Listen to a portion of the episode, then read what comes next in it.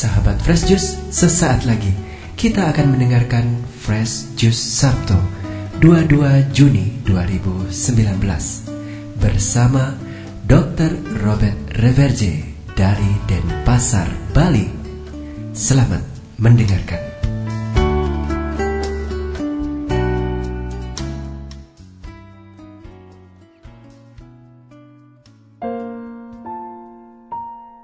Dalam nama Bapa dan Putra dan Roh Kudus. Amin. Saudara-saudariku yang terkasih, Shalom. Senang betul bisa jumpa lagi pada hari ini. Banyak minggu telah lewat. Banyak yang telah kita lakukan dan alami. Semua hal itu patut kita syukuri.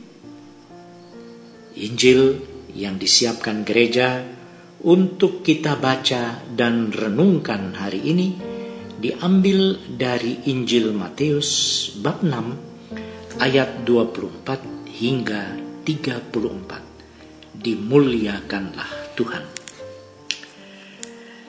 Dalam khutbah di bukit berkatalah Yesus, tak seorang pun dapat mengabdi kepada dua tuan karena jika demikian, ia akan membenci yang seorang dan mengasihi yang lain.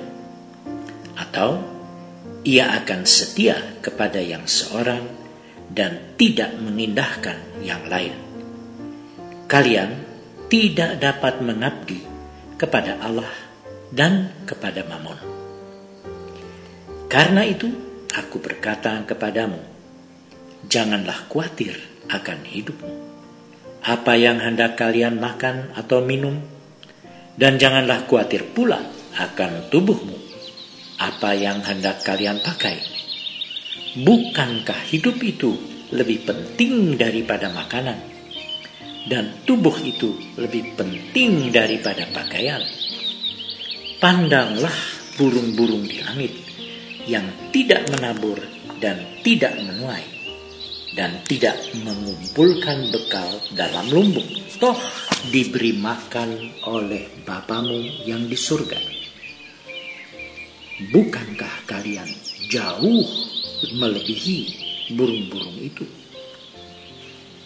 Siapakah di antara kalian yang karena kekhawatirannya dapat menambahkan sehasta saja pada jalan hidupnya?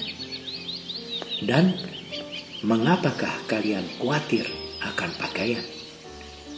Perhatikanlah bunga bakung di ladang yang tumbuh tanpa bekerja dan tanpa memintal.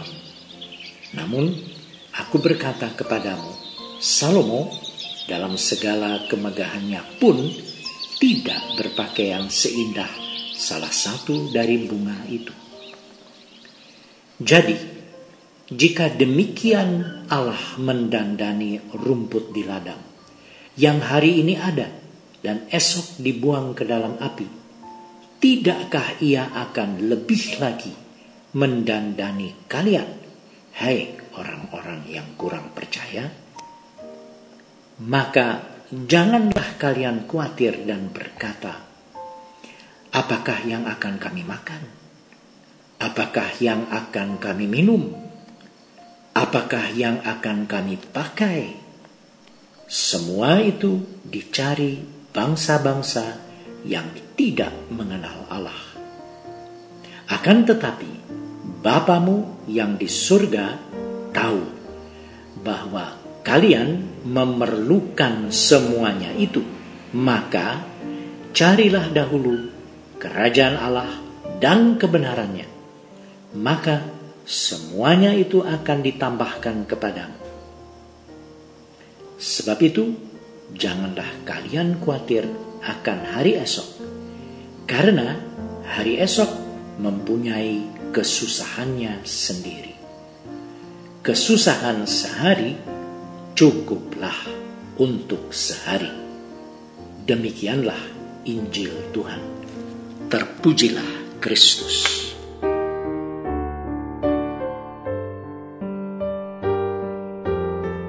Saudara-saudariku yang amat dikasihi oleh Tuhan Yesus.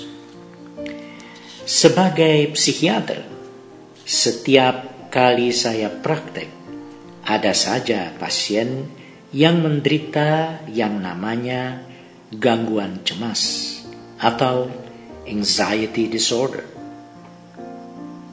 Kini, ilmu kedokteran jiwa atau psikiatri sudah tahu mekanisme yang terjadi dalam peristiwa biokimia listrik dalam otak manusia yang sedang mengalami gangguan cemas seperti itu. Kita tidak akan membahas sisi neurokimia listrik di otak ini. Yang mau saya fokus adalah hal-hal apa yang satu mendahului terjadinya anxiety disorder itu. Dan yang kedua, hal-hal apa yang membuat penyembuhan gangguan cemas itu kadang-kadang tersendat dan tidak tuntas, bahkan sering kali suka kumat. Saudara, acap kali saya temukan bahwa pencetus dari gangguan cemas itu adalah gaya hidup si penderita sebelumnya.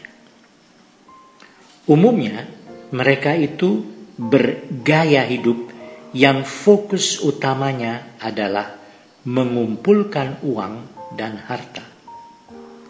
Sebab, menurut keyakinan mereka, hanya uang dan harta sajalah yang bisa menciptakan adanya kebahagiaan dan kepastian di masa yang akan datang. Yang mereka tidak lihat dan tidak sadari adalah bahwa jikalau fokus kita kepada masa depan gemilang yang seperti dijanjikan oleh uang dan harta itu, maka yang akan sirna dan meredup adalah mengalami masa kini dengan penuh syukur. Mereka menjadi budak dari masa depan gemilang tersebut.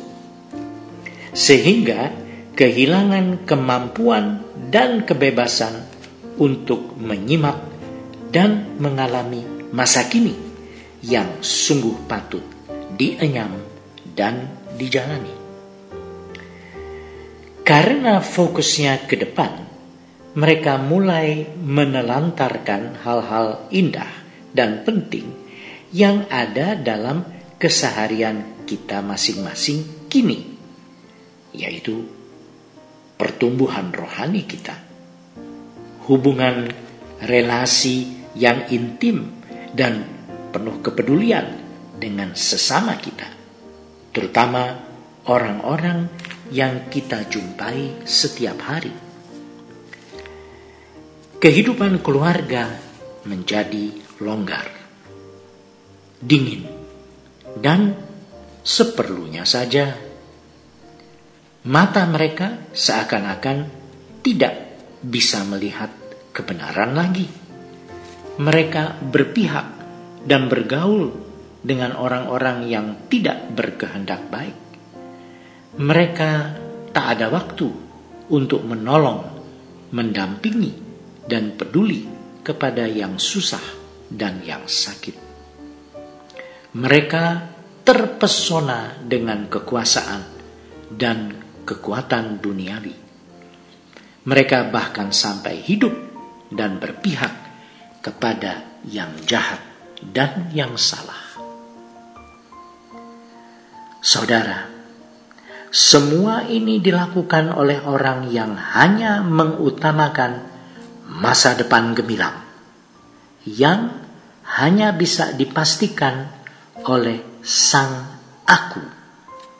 Ya, aku pakai huruf besar. Lalu, bagaimana dengan peran Tuhan? Oh, Tuhan lalu direduksi menjadi pembantu saja. Peran Tuhan adalah peran pembantu.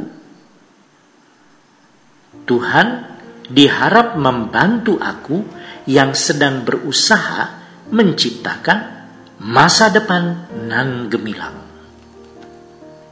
Nah, bila manusia-manusia seperti ini sudah menggebu-gebu, berkobar-kobar, dan berkibar-kibar, penuh perkasa dan hasrat menggelora, tidak heran bahwa otaknya akan seperti tergoreng dalam berbagai hormon dan neurotransmitter yang akhirnya bermuara menjadikan orangnya terkena gangguan cemas.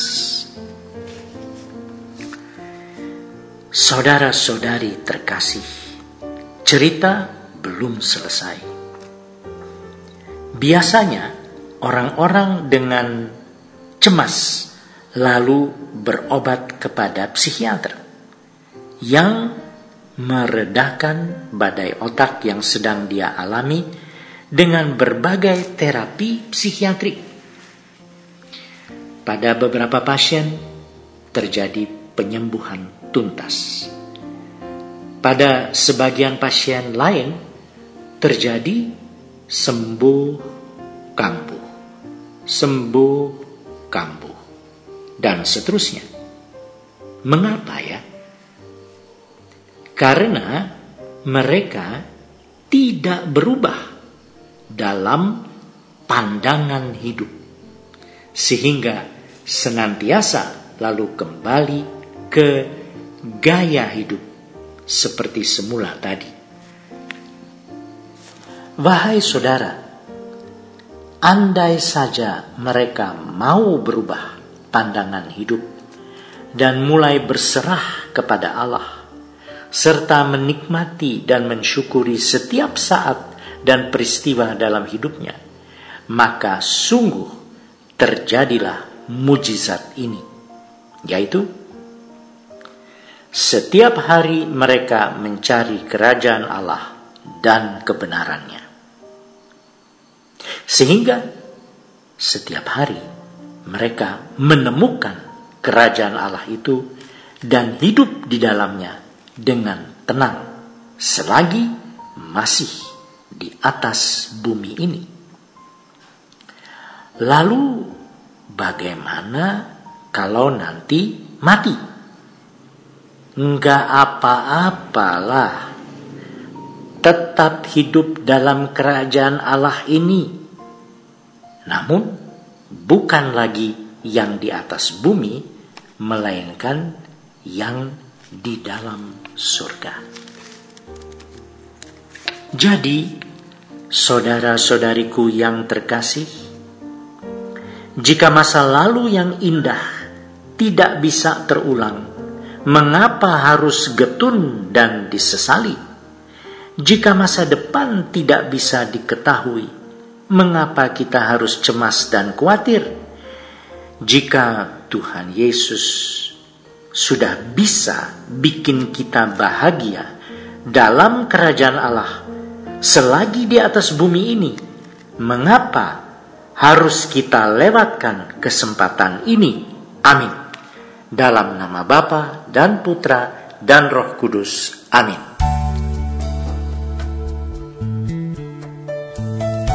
Sahabat Fresh Juice, kita baru saja mendengarkan Fresh Juice Sabtu 22 Juni 2019. Segenap tim Fresh Juice mengucapkan terima kasih kepada Dr. Robert Reverje untuk renungannya pada hari ini. Sampai berjumpa kembali dalam Fresh Juice edisi selanjutnya. Tetaplah mengucap syukur dan salam Fresh Juice.